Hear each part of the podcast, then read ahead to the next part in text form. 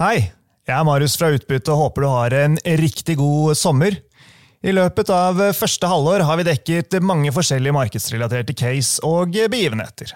Flere av episodene med langsiktige tematikker er like relevante i dag som tidligere i år, og for å gi dere litt ekstra å lytte til, nå som vi som lager podkasten er på ferie, har vi valgt ut fire av våre egne favorittepisoder i reprise. Men med en liten gulrot til deg som har hørt de før.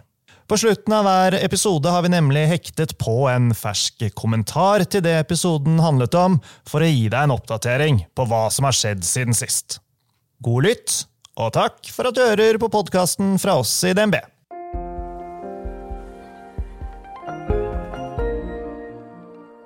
David Hodges er en amerikansk investor og grunnlegger av investeringsselskapet Equanica.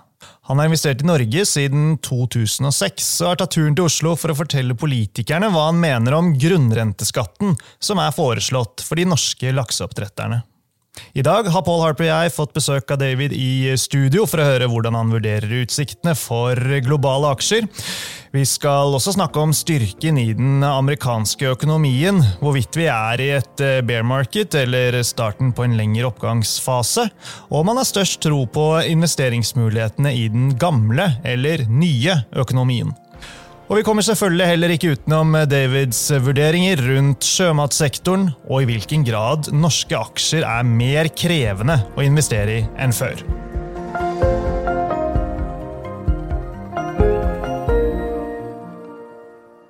Welcome to Utbytte, the DNB podcast where we explain the financial markets and the global economy. My name is Marius Brun Haugen, and uh, today I'm joined by the American based investor David Hodges. Uh, welcome, David. Thank you. Thank you. It's good to be here. I'm also joined by uh, my colleague and equity strategist here at the firm, Paul Harper. Uh, a pleasure as always, Paul. Yep, good to be back again. So I thought, why don't you start, David, by telling us a little bit about your background from the financial markets? Yes, uh, again, thank you for having me. Um, I started my professional career as an attorney in the United States. Uh, so I went to law school, I practiced law for five years, but I loved investing in the stock market uh, so much so that I actually went returned to school. So I went back uh, and got my MBA, which is a graduate level uh, degree in business. And I actually did a master's thesis on uh, the financial markets, uh, in, in, particular the equity markets, and what is the best way to outperform the equity market indices. So, what's the best way to pick a stock? I left uh, my MBA program and took a job with a large investment firm in Dallas, Texas called Barrow Hanley Mewhinney and Strauss. And I began my career there as an analyst, uh, stock analyst, picking stocks. And so I focused on the banking industry, I covered Mattel, which is a toy maker. I covered Hewlett Packard. So I did tech, banks, consumer, a broad range of industries. And um, I actually uh, spent a, a, fairly short amount of time, about a, maybe a little over a year, working as an assistant on a consumer fund that was specialized in consumer investments. On a special assignment, working uh, as uh, an assistant fund manager for Norges pension fund. So I had a little bit of connection with Norway early on in my career in that sense. Uh, my firm had always primarily been a US, US based investor, but they desired to have more of an international focus. And so uh, I was asked to lead a team to design an international equity strategy. And so we spent two years designing a strategy doing back testing, and I was asked to be the portfolio manager on that strategy. Hmm. So we started that from scratch, uh, literally with $5 million in seed funding. And over the next, uh, say, five to seven years, built that up to five, 50 billion NOK in assets, so about 5 billion US dollars. Um, and then I was asked to do the same thing in 2010 for a global fund that would roll up all the strategies at my firm. So uh, started again with uh, five million dollars, and eventually grew that to five billion or fifty billion NOK. That's impressive. Um, thank you. So uh, at uh, at the peak uh, was managing about ten billion US or hundred billion NOK. Uh, at the firm and left the firm in 2018 to start my own company, Equanicca, and I've been working at Equanicca ever since. Is it better to run your own company and investments? You know, there's give and take uh, honestly, uh, it's it's nice to be able to do exactly the way you want to do it. So that's very nice, but I really do miss the colleagues at my old firm, and uh, you know, miss uh, working, being plugged into the industry in that sense. Uh, and there are a lot of things that you have to do with your own company that other people can help with when you're at a part of a, a larger organization. So. Um, pluses and minuses for Yeah, sure, yeah, but Uh, I'm a very happy person right now. There's no doubt about that. So, in short, uh, how do you invest today? What kind of investor are you now? So today, uh, I do have the luxury of, of doing it exactly the way I think it should be done um, as a professional buy side investor. And so um, there's some specifications about the way I invest today that really tell you a lot about what I think uh, a professional investor should uh, focus on. I should mention from my background that I was trained at the MBA level to um, follow the principles of Warren Buffett. So there are some similarities. I have a concentrated uh, fund strategy. So that typically means between 10 and 20 uh, investments in public equities. Um, I also cover private equity investments as well, uh, but the vast majority of my investments, at least to date, have been on the public equity uh, side of things. And um, I have given myself the luxury of no longer having to cover certain sectors. Um, so now I just focus on consumer, industrials, financials, and some portions of technology, uh, the things that are more simple in the technology field. So um, I do have the ability to short, but um, I haven't really engaged in that yet. Uh, so things would have to be really dramatically overvalued for me to do that, and really on a broad basis. Um, I have in the past attempted to short individual names. I sold some naked calls on GameStop during 2020, not in my fund, but just for fun. And uh, you can imagine what kind of a ride that was. Uh, over the next year and a half. So uh, it's definitely a good lesson in not being too focused with your short ideas. Um, but I'm very long term uh, in nature in terms of my investments. I almost think of it as being a quasi private equity investor. So I'm very selective in terms of the companies that I'll invest in. Uh, I only focus on business models that are very predictable uh, and uh, very forecastable in terms of you know your future predictions of uh, revenues, profits, and cash flows. Um, so I'm very selective about it. I typically only make a buy uh, purchase um, decision maybe one time a year. Um, so when I look at the universe, uh, most most of the time, at least in my career, stocks are overvalued. Uh, there are very brief periods of time when I find very high quality businesses uh, in which you would want to be an investor, where those are at compelling valuations. So I just sit patiently and wait, and when that does occur, hopefully I'm prepared and I can take advantage of the situation. Yeah. And now you are in uh, Norway to uh, discuss uh, the seafood sector and uh, to, to talk with uh, politicians about uh, the res- proposed resource uh, tax. But I was wondering, what, what caught your interest for the seafood sector in the first place? When I launched uh, the uh, international fund at my old firm back in 2006, uh, a, a, team of us had actually designed a quantitative screening model um, that was custom to our firm and our investing strategy. And at the time, uh, two of the companies that that quantitative model had suggested to us um, were uh, and Nutreco. So we actually ended up doing some due diligence on those two companies and purchasing, purchasing those in our funds. So I was a shareholder in those two companies at the very beginning of my first fund and uh, was very impressed with the industry at the time, um, especially some of the things with relation to sustainability, uh, the amount of um, um, feed that is required to produce a kilo of uh, the end product and you know the meat versus other industries like pork and chicken and beef. Um, so there were a lot of things that just were inherently attractive about the salmon farming industry to me from a long-term perspective. Um, and so uh, beyond that point, I ended up becoming one of the largest investors in Marine Harvest a couple of years, a few years later. Um, in 2012, uh, when there were some um, production issues or production came up quite a bit uh, in Chile. Uh, you know, it was a difficult period for the Norwegian salmon farming industry, uh, 2011, 2012, I believe. And so I actually purchased uh, Marine Harvest shares in my fund. But uh, there were also many Norwegian listed uh, salmon farming companies that were too small for me to invest in as a fund manager. Um, names like uh, Lerøy and Austevoll and um, SalMar. And so I bought those uh, for myself personally Yeah. uh, back in that period of time and uh, have held those ever since. So I've been a, a personal investor since 2011 or 12 and a professional investor since 2006. And we'll uh, get back to the, the seafood sector and especially the, the resource tax and your opinion on that uh, later on. But it's a valid point, Paul, uh, that we, we maybe don't mention enough that uh, the seafood sector, it has been quite a ride if you look over the past uh, decade. Yeah, I mean, I think even if you go back uh, longer than that, I mean, it used to be a very cyclical sector, and then has gradually become less cyclical, and that sort of also helped to uh, boost the multiples that people are willing to pay on those uh, those earnings. So it's been uh, quite an interesting journey, both in terms of building up the sector sort of from from basically nothing in the in the 80s, but then also sort of seeing how the industry has matured and how the valuations and so on have changed over time as well. But before before we go uh, into the details of uh, the resource tax and uh, so on, uh, we have to discuss the U.S. economy while we have you here, David. I mean, that's something Paul and I discuss uh, close to every week, uh, and of course, uh, your your equity market more short-term view, to so to speak. But I thought we start with sort of the big picture. I mean, we have a backdrop where inflation is high, interest rates are rising fast. We have a war in Europe. We have China and U.S. tension that are uh, seems to be escalating.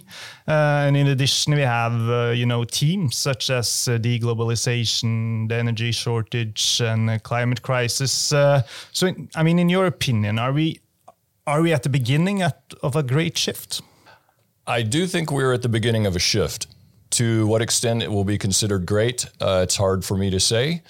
You know, over the last couple of decades, we've had two very large disinflationary forces in the world economy.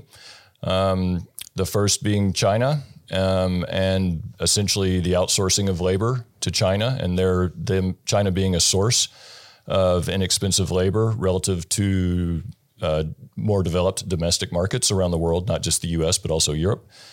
So that's been a major factor. The other is technology. So two major disinflationary forces that, in my opinion, have, in addition to the demographic uh, impact, and I'm sure Paul probably has some thoughts on maybe even some other factors, but those have been two major factors in my career.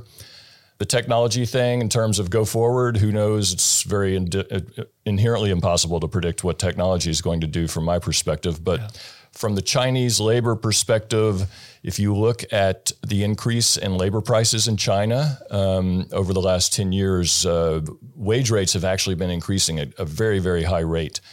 Um, and depending on how you measure it, uh, China has now almost nearly reached um, equality with uh, the price of labor in Mexico. Um, and in addition, uh, we had had, from a political perspective globally, uh, a deglobalization.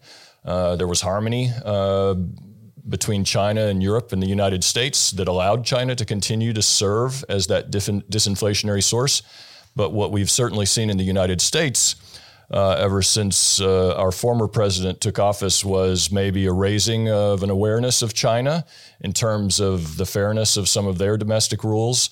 Uh, dealing with American companies, and um, that's obviously accelerated with uh, their support, implicit or tacit, for Russia. So um, I do think if you look at the cost of labor in China today, along with the political issues that have been raised, that it's I'm very skeptical that China can continue to be a disinflationary force uh, from a global perspective uh, as far as labor costs go. So to me, that's a change going forward. To what extent, uh, I'm not here to say that disinflation, those disinflationary forces broadly have ended, but I think if you take the Chinese labor portion out of the equation going forward, it will cause a change in um, in global interest rates uh, yeah. moving forward. Yeah, yeah, yeah. And and I mean these kind of shifts and all, all things that shaping this. It's it's it's not happening just overnight, right? It's uh, it's over a long period of time. So, but how does this affect your investment decisions? Well, it infects. If, if, if it does. Uh, it doesn't have a massive impact because my business model, in terms of being an investor, is uh, as I told you, I now have the luxury of being very selective, not only in terms of the industries that in which I invest, but also particular companies within those industries in which I invest. So to simplify it, I probably have approximately 50 different companies around the world that I follow. Um, actively in terms of keeping an eye on the share price and where it stands. And I have a rough idea of where I would like to purchase those companies from a share price perspective. And so I just keep track of that. And when those businesses uh, or when the stock price of those particular companies drop to such a degree that I find the valuation compelling, uh, then I'll step in and buy those. And so I'm not really making macro forecasts um, because I'm I'm selecting companies that have a pretty good growth outlook from a revenue and profit perspective.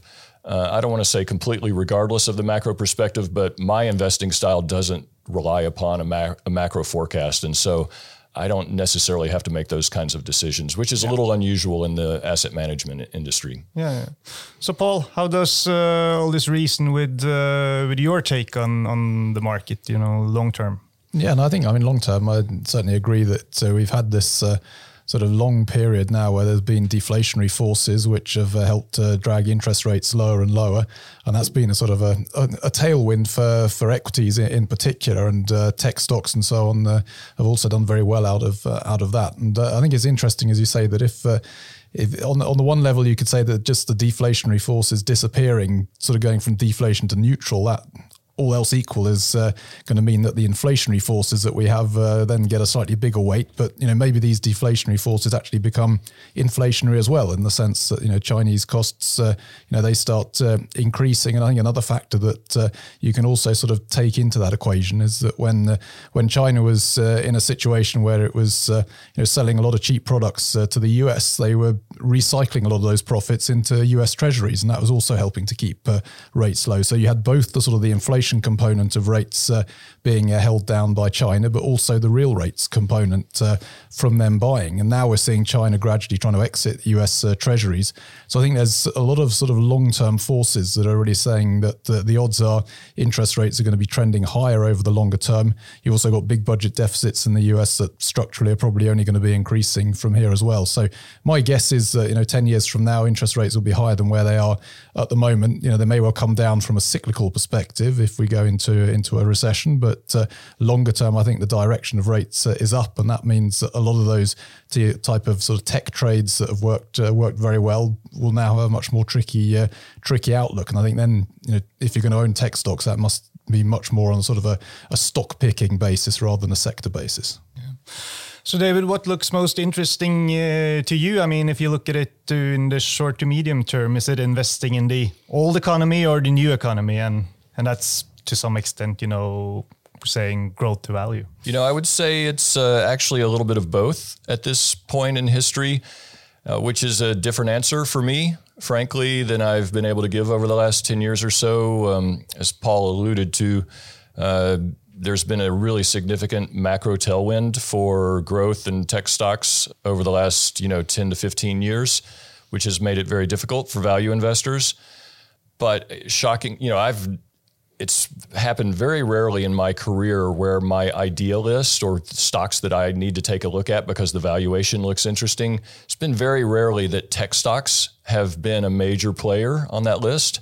That happened really for the first time in a long, long time for me late last year. Mm-hmm. I would say in the October, September, October timeframe. And so um, I did make a, a purchase of some semiconductor capital equipment companies in my fund in October of last year. And uh, I really had a hard time remembering the last time that it was tech stocks that was the interesting area and not so much the old economy stocks. So um, I agree with Paul. It's maybe more of a stock pickers um, environment in growth and tech going forward. Uh, but that might also mean that uh, my idea list is a little more balanced between old economy and new economy going forward. Yeah, and I mean, if you look at uh, the year to date, we had a pretty decent start for for tech and other growth related uh, equities. Uh, and I guess one question is: Are we are we still in a bear market, or are we at the beginning of a longer uptrend? What's your take?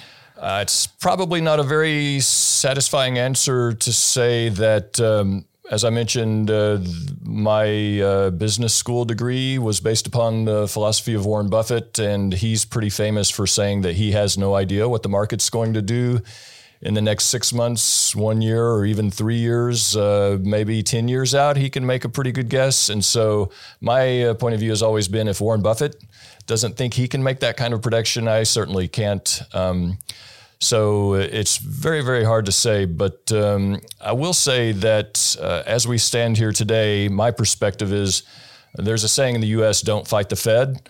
Uh, so, from a global perspective, maybe it's more appropriately stated as uh, don't fight uh, the global central bankers. And if uh, central bankers in the EU and the, in the United States are still interested in tightening liquidity, um, then uh, it's certainly a time to be cautious uh, from uh, an equities perspective as an investor. So uh, I certainly would not be surprised, given that um, the current state of play is to tighten liquidity. Yep. I would not be surprised to see the markets pull back here at some point. Uh, I would be hesitant to call that we've already seen the bottom, uh, given that perspective. But when we do have a sense, and the markets will anticipate it before it actually happens, but when we do get a sense that the central bank in EU and as well as in the US are ready to loosen liquidity, uh, it's you definitely want to be in the equities market at that point. Yeah, sounds like David is in your camp, Paul. At least on your side of the camp. Yeah, I mean, I think that uh, is something that uh, at least if you sort of been following the markets for for a couple of decades, I think there's a lot of uh, a lot of signposts that are sort of saying that uh, it is still too early to try and call the bottom uh, already at this point. I mean, there's you've always got to be open for the fact that uh, you know maybe it is different this time. So I mean, it's something that you've always got to open that uh, that possibility that it could be the case. But uh, looking at sort of things like the yield curve and uh, other indicators like that, that would suggest that it's still too early to really try and time the lows. And I think uh, in the event that you do avoid a recession this year, it's probably more likely a case of that uh, you sort of push that uh, process a little bit further out because you you really haven't. you could sort of argue late 60s, you maybe had a situation where unemployment kind of stayed low for three or four years in one stretch, but then the 70s wasn't great a great time to be an investor. So I think it's more a case of you avoid a avoid a recession now than it's more a case of you just sort of uh, pushed it out a year rather than you've avoided it completely. Yeah. And talking about uh, the economy, I mean, we have been surprised here in Norway how strong the economy seems to be uh, holding up, or at least things are knowing, not going as bad as fast as one might could think, uh, at least six months ago or something like that. And I think the situation seems to be the same in the US. Uh, I mean, six months ago, Paul, we were discussing a hard landing. Uh, then it was uh, the soft landing, and now it's maybe, maybe it's no landing at all. Uh, I mean, give us uh, give us your take on how the U.S. economy is going, David. Typically, when the Federal Reserve is tightening liquidity, um, they are standing alone in terms of a major factor with regard to the economy in the United States. What's unusual about this particular situation is the U.S. Congress recently passed uh, a major fiscal stimulus called they they titled the stim, the legislation the Inflation Reduction Act or IRA for short. Yep. And so there's quite a bit of uh, federal spending that is to come in terms of infrastructure build out. So that is uh, having a counter counter effect versus what the Fed is doing with tightening of liquidity. So if you take into account that factor as well as the the well recognized or established historical precedent that it takes some amount of time for the Fed's tightening of liquidity to actually surface in the real economy. You know, sometimes people forget that uh, it doesn't happen right away. The financial markets are aware of it immediately, so everyone who's a participant in the financial markets thinks, okay, the Fed's tightening, like we need to go into a recession very quickly. But in practice, it actually there's a lag effect. It's well recognized. Uh, Federal Reserve officials are very well aware of the fact that there is a lag effect. And what we're seeing in the US economy right now to me is evidence that yes, there is indeed a, a lag effect between the tightening of liquidity uh, and the impact in the real economy. Um, and so that combined with the fact that we do have some fiscal stimulus that's ongoing is causing it to push out a little bit, as Paul described, yeah. in my opinion. Yeah. And it's, uh, I mean, it's interesting, Paul. I mean, we only have to go back to last week where we got some new data points on the uh, inflation. I think it was the PCE inflation from the US, and it seems to be strong. Yeah, I mean, it certainly seems to be a bit more sticky than I think a lot of people have been hoping. And uh, we've sort of seen the result of that in the um, Fed funds futures. So in the last three weeks, expectations for Fed funds at the end of this year have moved up uh, almost 90 basis points in the space of three weeks. I mean, that's a big move uh, for that type of market where we were expecting, you know, a month ago that uh, there was going to be maybe one more rate hike and then you start getting rate cuts towards the end of the year. But uh, certainly, you know, the data that we've had during the course of the last three or four weeks have forced the market to change that uh, that assumption. So to sum up and uh, conclude, uh, David, um, what's the take for the equity markets uh, over the the next uh, coming years? My view would be that given that we're in a regime where liquidity is being tightened in the US and the EU, uh, I think investors should sharpen their pencils, um, identify which businesses they would like to become uh, an investor in, and uh, and be patient and be ready because uh, it's more likely than not that they will probably have an opportunity to make a large investment in some very good businesses over the next year or two, and uh, they should have their homework done in advance and be ready to pounce. Yeah.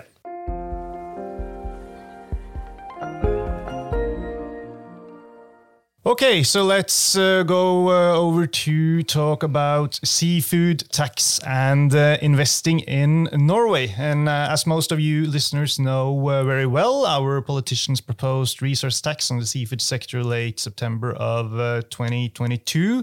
This came as a shock to the industry and investors, and it sent Norwegian seafood stocks sharply down. Now, the details of the resource tax plan are yet to be finalized, but regarding the resource tax and how it was uh, introduced, David, have you witnessed anything like this in your uh, investment career in, in any part of the world? I have. I have, but it's very rare, I should say.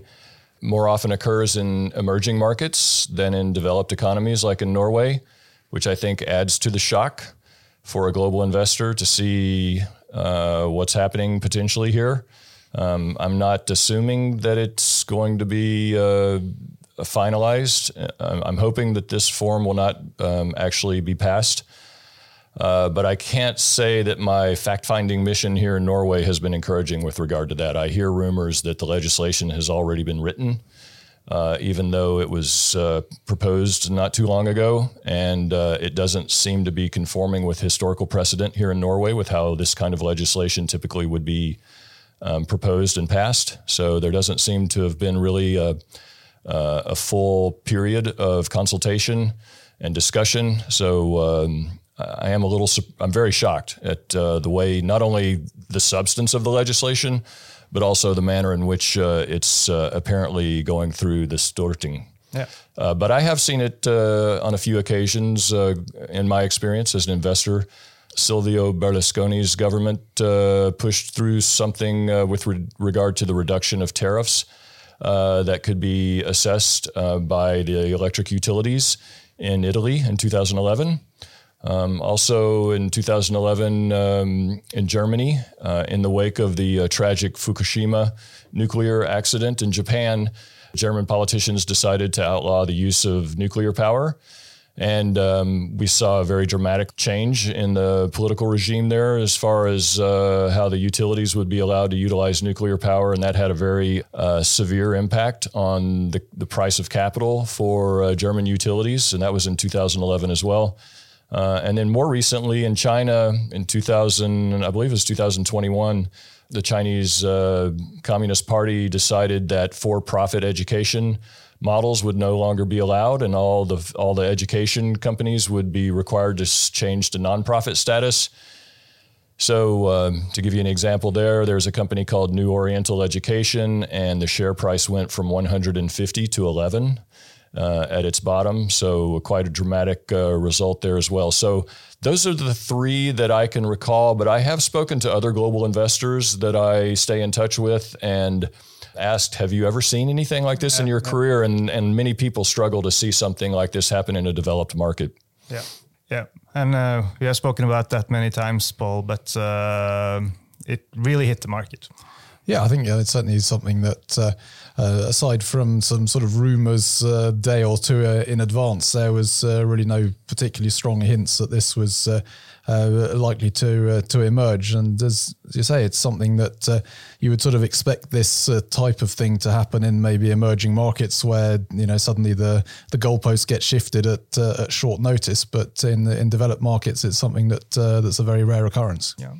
Are you invested in Norwegian salmon farmers today, David? I am. Yes, I am. but just from a personal perspective, so. Uh, I uh, do not have any investments in my fund, my investment fund in uh, the Norwegian salmon industry currently.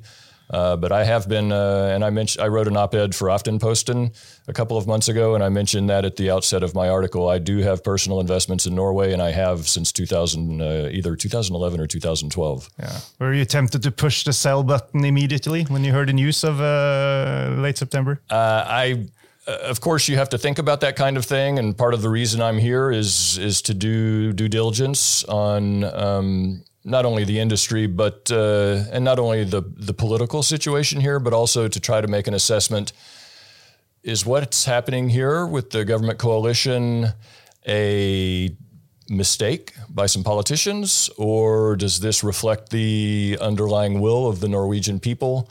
Uh, because the answer to that question makes a big difference in terms of uh, my appetite for continuing to be invested in Norway and certainly uh, in, in investments going forward. I'll give you an example. Just while I've been here, I was approached with a private equity opportunity, not in the salmon farming industry, but a completely different industry.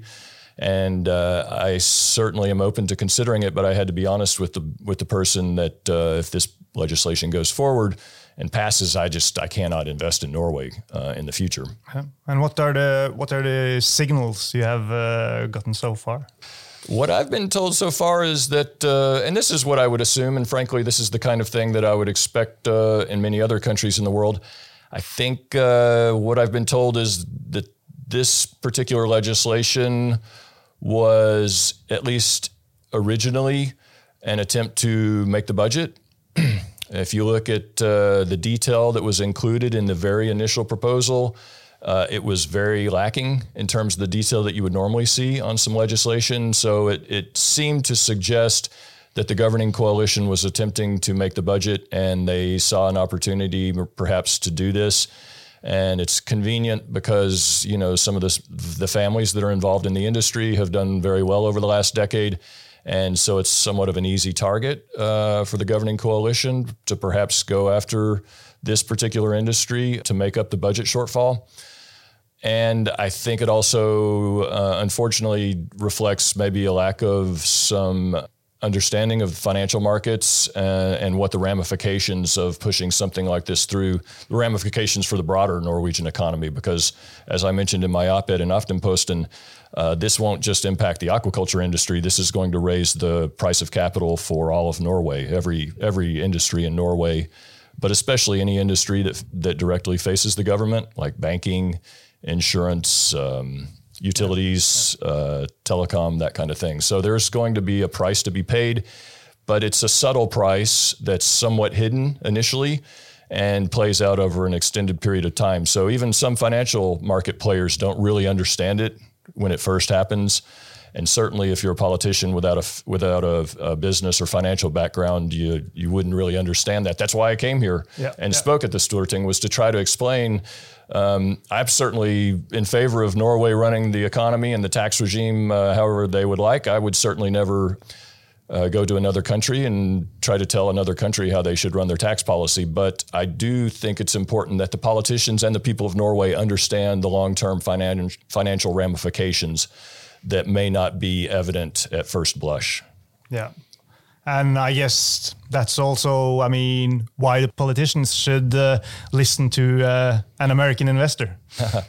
well, uh, I'm just attempting. Uh, maybe it would be easier if I weren't an American investor. Americans uh, have a little bit of a history of going around the world telling people how they should do things. So uh, maybe it would have been easier if I came from some other country. so I understand I'm a little bit handicapped in that pers- from that perspective, but um, I do think it's important uh, for the Norwegian politicians and the Norwegian people to hear the perspective of a global investor. Because when I talk to people in Norway, they say it's good that you're coming to do this because in Norway, there's typically a back and forth amongst the different political parties. And so the opinion of someone who's from Norway is often discounted because of uh, that history. Whereas if you're an independent global investor, um, perhaps it gives a little more credibility to the point of view. And, and I should point out, uh, while I have investments in the salmon farming industry, they're fairly small for me. So yeah. uh, this isn't a matter of life and death for me, certainly. Um, so I don't feel that I'm biased in that regard, but I've had a long connection with Norway, not only as a, an investor in companies like Statoil and Orkla, uh, and those kinds of companies. But um, on a personal side, I have many friends here, and the, the area of the United States where I was born and raised is very similar to Norway, very similar focus on the outdoors. The state from which I come from in the United States is farming based. Yep. Uh, very good people, good hearted people, straightforward.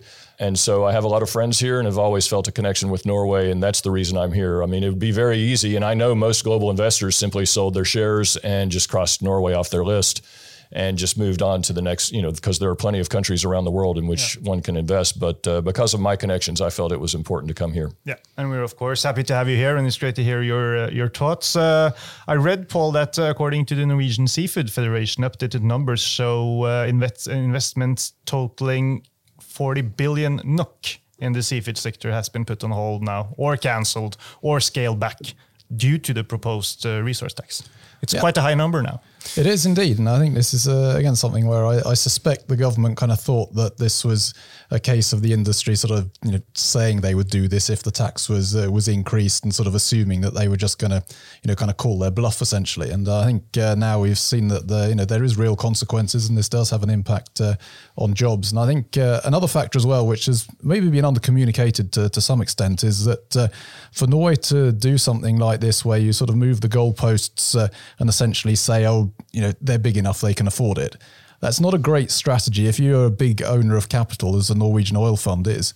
You know, is that uh, do you want to really sort of start uh, making a you know indications that it's okay to sort of uh, move the goalposts and say, oh, well, they know it's, it's, international capital. It doesn't really matter. They can afford it. I mean, that that is the Norwegian oil fund.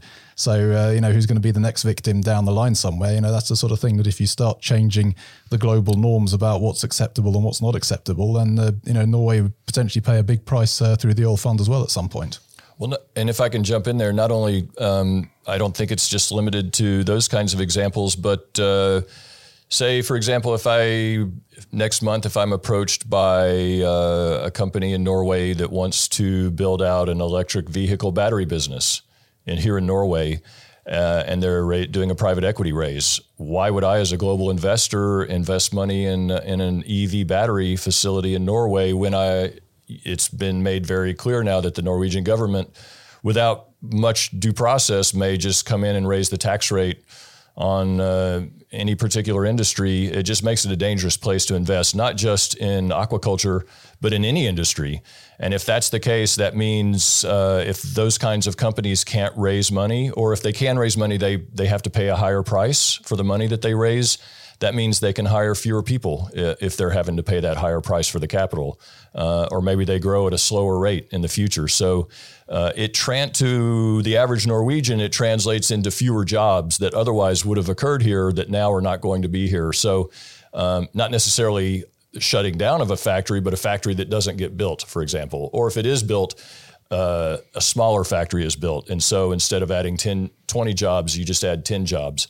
Uh, and the growth rate in the future uh, is slower because of the higher tax rate. And so, wage growth for the average employee in Norway, not just in aquaculture, but in other industries, uh, wages go up at a slower rate in the future. So, there's a real impact in terms of jobs and wages for every Norwegian citizen. And, and those are the kind of things that I wanted to try to give a perspective on that may not be evident to a politician in the Storting who isn't necessarily trained in business or finance.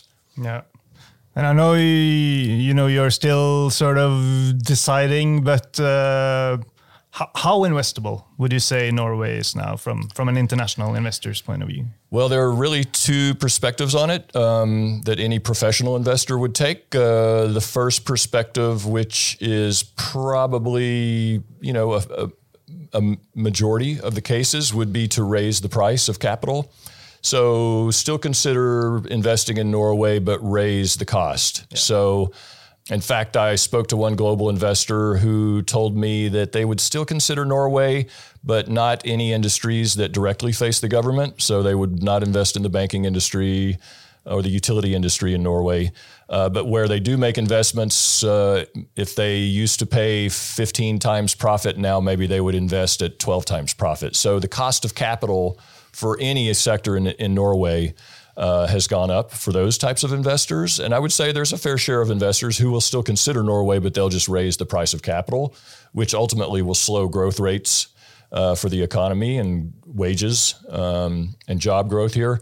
Uh, and then there's a second category of investors who will simply just cross Norway off and say, okay, let's just not consider Norway because of this risk. Uh, sadly, that's the category I would be in because I have the ability to, you know, pick and choose which countries I invest in. So uh, if the legislation goes through, many investors just will no longer consider Norway.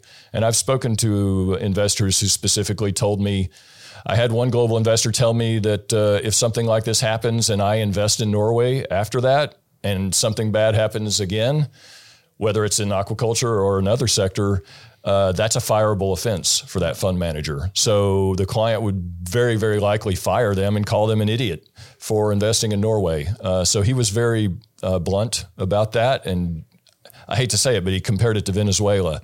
I personally think that that's over the top. I would certainly would not compare Norway to Venezuela, but um, I have spoken to someone uh, who's a direct source who told me that one of the top in asset managers in the world and most of your listeners would probably have heard the name, uh, has now changed their risk rating on Norway and is now equivalent with Romania. So nothing against Romania, but that is a frontier market. Uh, and uh, if you're a developed economy like Norway, you certainly don't want to be placed in that level of risk category.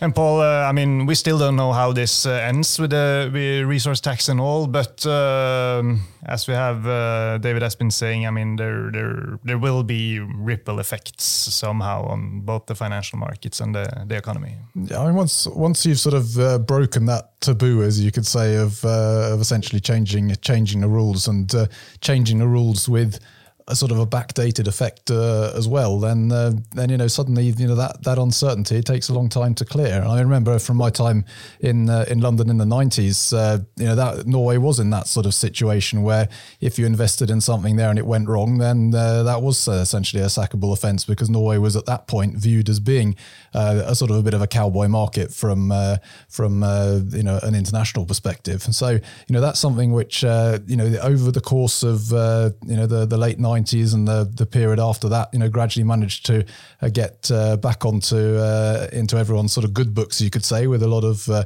you know good performance from from companies. But it you know takes a long time to build up a good reputation, and a short time to to destroy it. All right, that uh, sums it up for uh, today. I hope we can have you uh, back, David, in uh, let's say one year time, and by then the equity markets will uh, have started to move uh, up, and the seafood sector has found a solution with with the government, and everybody's happy. We'll see. We'll see.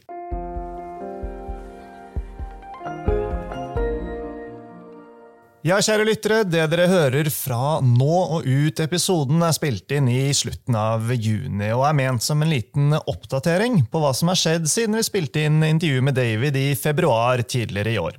Jeg sitter her med Paul Harper, og jeg må jo si at eh, David var en meget interessant gjest. Særlig dette med hvor langsiktig han tenker rundt eh, aksjeinvesteringene sine, med denne filosofien rundt kvalitetsselskaper med langsiktige konkurransefortrinn av en eller annen sort og sterke forretningsmodeller da i kombinasjon med en sånn veldig klar bevissthet på hva som er attraktiv eh, prising av aksjene han holder øye med. Det er noe de fleste kan lære noe av, Pål? Ja, jeg tror kanskje Det viktigste lærdom med dette er å være bevisst på hva slags strategi man egentlig prøver å følge. For eh, Har man en eh, langsiktig strategi, da er det nettopp disse type kvalitetsfaktorene som gjerne er viktige. Da er det ikke like eh, viktig det å liksom, prøve å time markedet så mye. Det er opptatt av å finne selskap som skaper verdier over tid.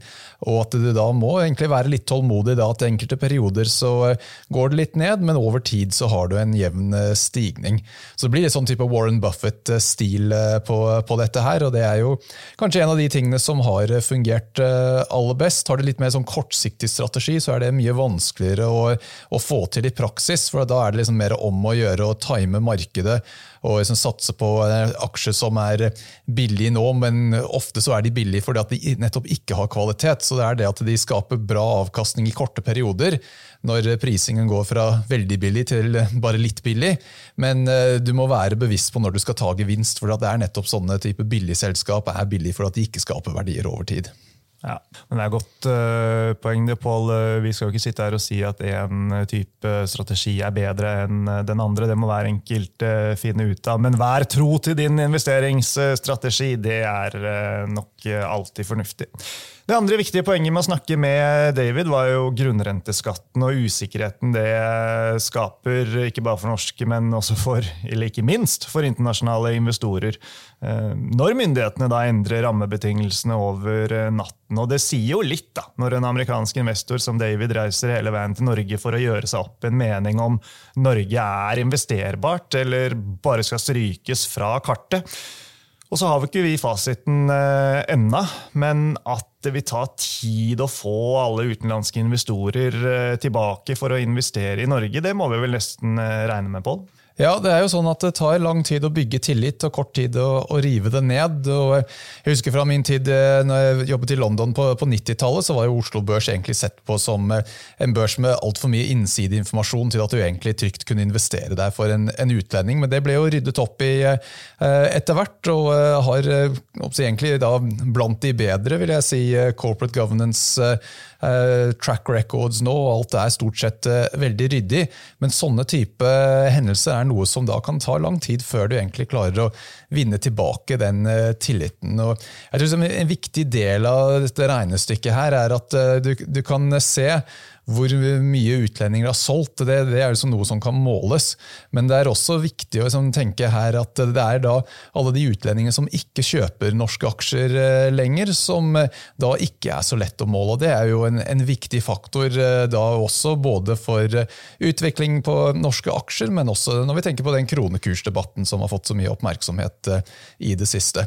Jeg tror kanskje den som er liksom aller mest idiotisk av det som har vært i denne prosessen, og det er mye å velge mellom her, eh, tror jeg man kan si, er det når de begynte å argumentere for at uh, dette var ikke så farlig, for at det gikk, bare gikk utover internasjonal storkapital, så, og det hadde de råd til, så da var ikke dette så, så, nøye. Men hvem er det som er den største eieren av internasjonale aksjer i verden? Jo, det er jo nettopp det norske oljefondet. Og hvis andre land begynner å tenke på samme måte, da har vi et stort problem når såpass stor andel av budsjettet i Norge blir jo finansiert av avkastning fra oljefondet. Ja, så kan man jo si hva man vil, men litt sånn, i hvert fall en av endene på visa her er jo at vi er et lite åpent land i Norge, og vi trenger internasjonal kapital for å kunne gjøre store investeringer. Enten det er prosjekter i havvind, eller det er batterifabrikker, eller det er olje, eller det er sjømat, eller det er andre ting. Ja, Nå tror jeg det blir liksom mye mer konkurranse for kapital. Vi har jo egentlig hatt eh, siden finanskrisen egentlig sagt overflod av kapital. Da. Liksom, renter har vært eh, nærmest 0 eh, cirka, så det, det, har liksom ikke vært noe fornuftig å bruke penger på eh, kan du si, til en viss grad. og Det krever veldig lite avkastning til at du kan forsvare en investering. Men nå har vi eh, noe helt annet eh, bakteppe enn tidligere, da, hvor du har store budsjettinneskudd som skal finansieres i, i, USA og Europa. Du har eh, det grønne skiftet, du har eh, Chips Act i USA, hvor de skal subsidiere semiconductor-fabrikker, og du skal subsidiere det grønne skiftet. og Det, det er som en lang liste med ting som krever veldig mye kapital nå. og Da er det ikke noe, noe åpenbart at eh, internasjonal kapital velger å sette noe penger i Norge, hvis de ikke da kan stole på rammebetingelsene.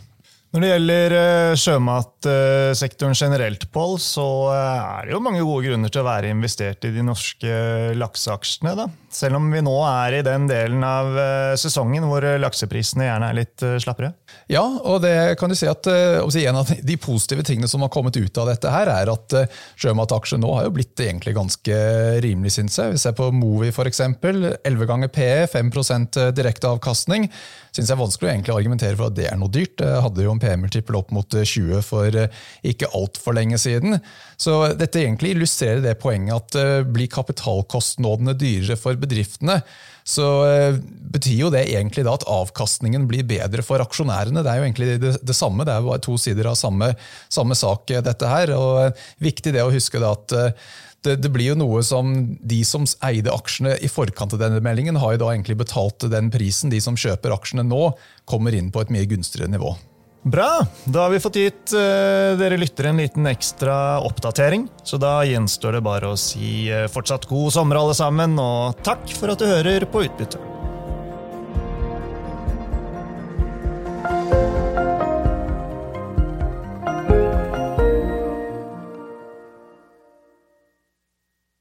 Denne sendingen ble publisert i podkasten Utbytte. Innholdet i sendingen er å anse som markedsføringsmateriale fra DNB og er ment å være generell spareveiledning. Sendingen skal ikke oppfattes som et tilbud om å kjøpe eller selge finansielle instrumenter, eller som investeringsrådgivning tilpasset den enkelte investors situasjon. En investor som har behov for råd eller har spørsmål om informasjon som gis, bør kontakte en finansrådgiver. DNB påtar seg ikke noe ansvar verken for direkte eller indirekte tap som følge av innholdet i sendingen legges til grunn for eventuelle investeringsbeslutninger. Husk at historisk avkastning aldri er noe garanti for fremtidig avkastning. Avkastningen kan bli negativ som følge av kurstap. Bruk av prognoser for å beregne fremtidig avkastning er heller ingen garanti for fremtidig avkastning. Innholdet i sendingen bygger på informasjon fra offentlig tilgjengelige kilder som DNB ser på som pålitelige, men som ikke er uavhengig verifisert. Følgelig gir DNB ingen garanti i forhold til nøyaktighet og fullstendighet. Alle uttalelser her reflekterer DNBs, den enkelte ansatte, eller andre tredjeparts vurderinger på tidspunktet for den aktuelle sendingen, og kan i ettertid endres uten nærmere beskjed. Ytterligere informasjon om bl.a. kildebruk og interessekonflikter er tilgjengelig på dnb.no skråstrek invest, bindstrek disclaimer.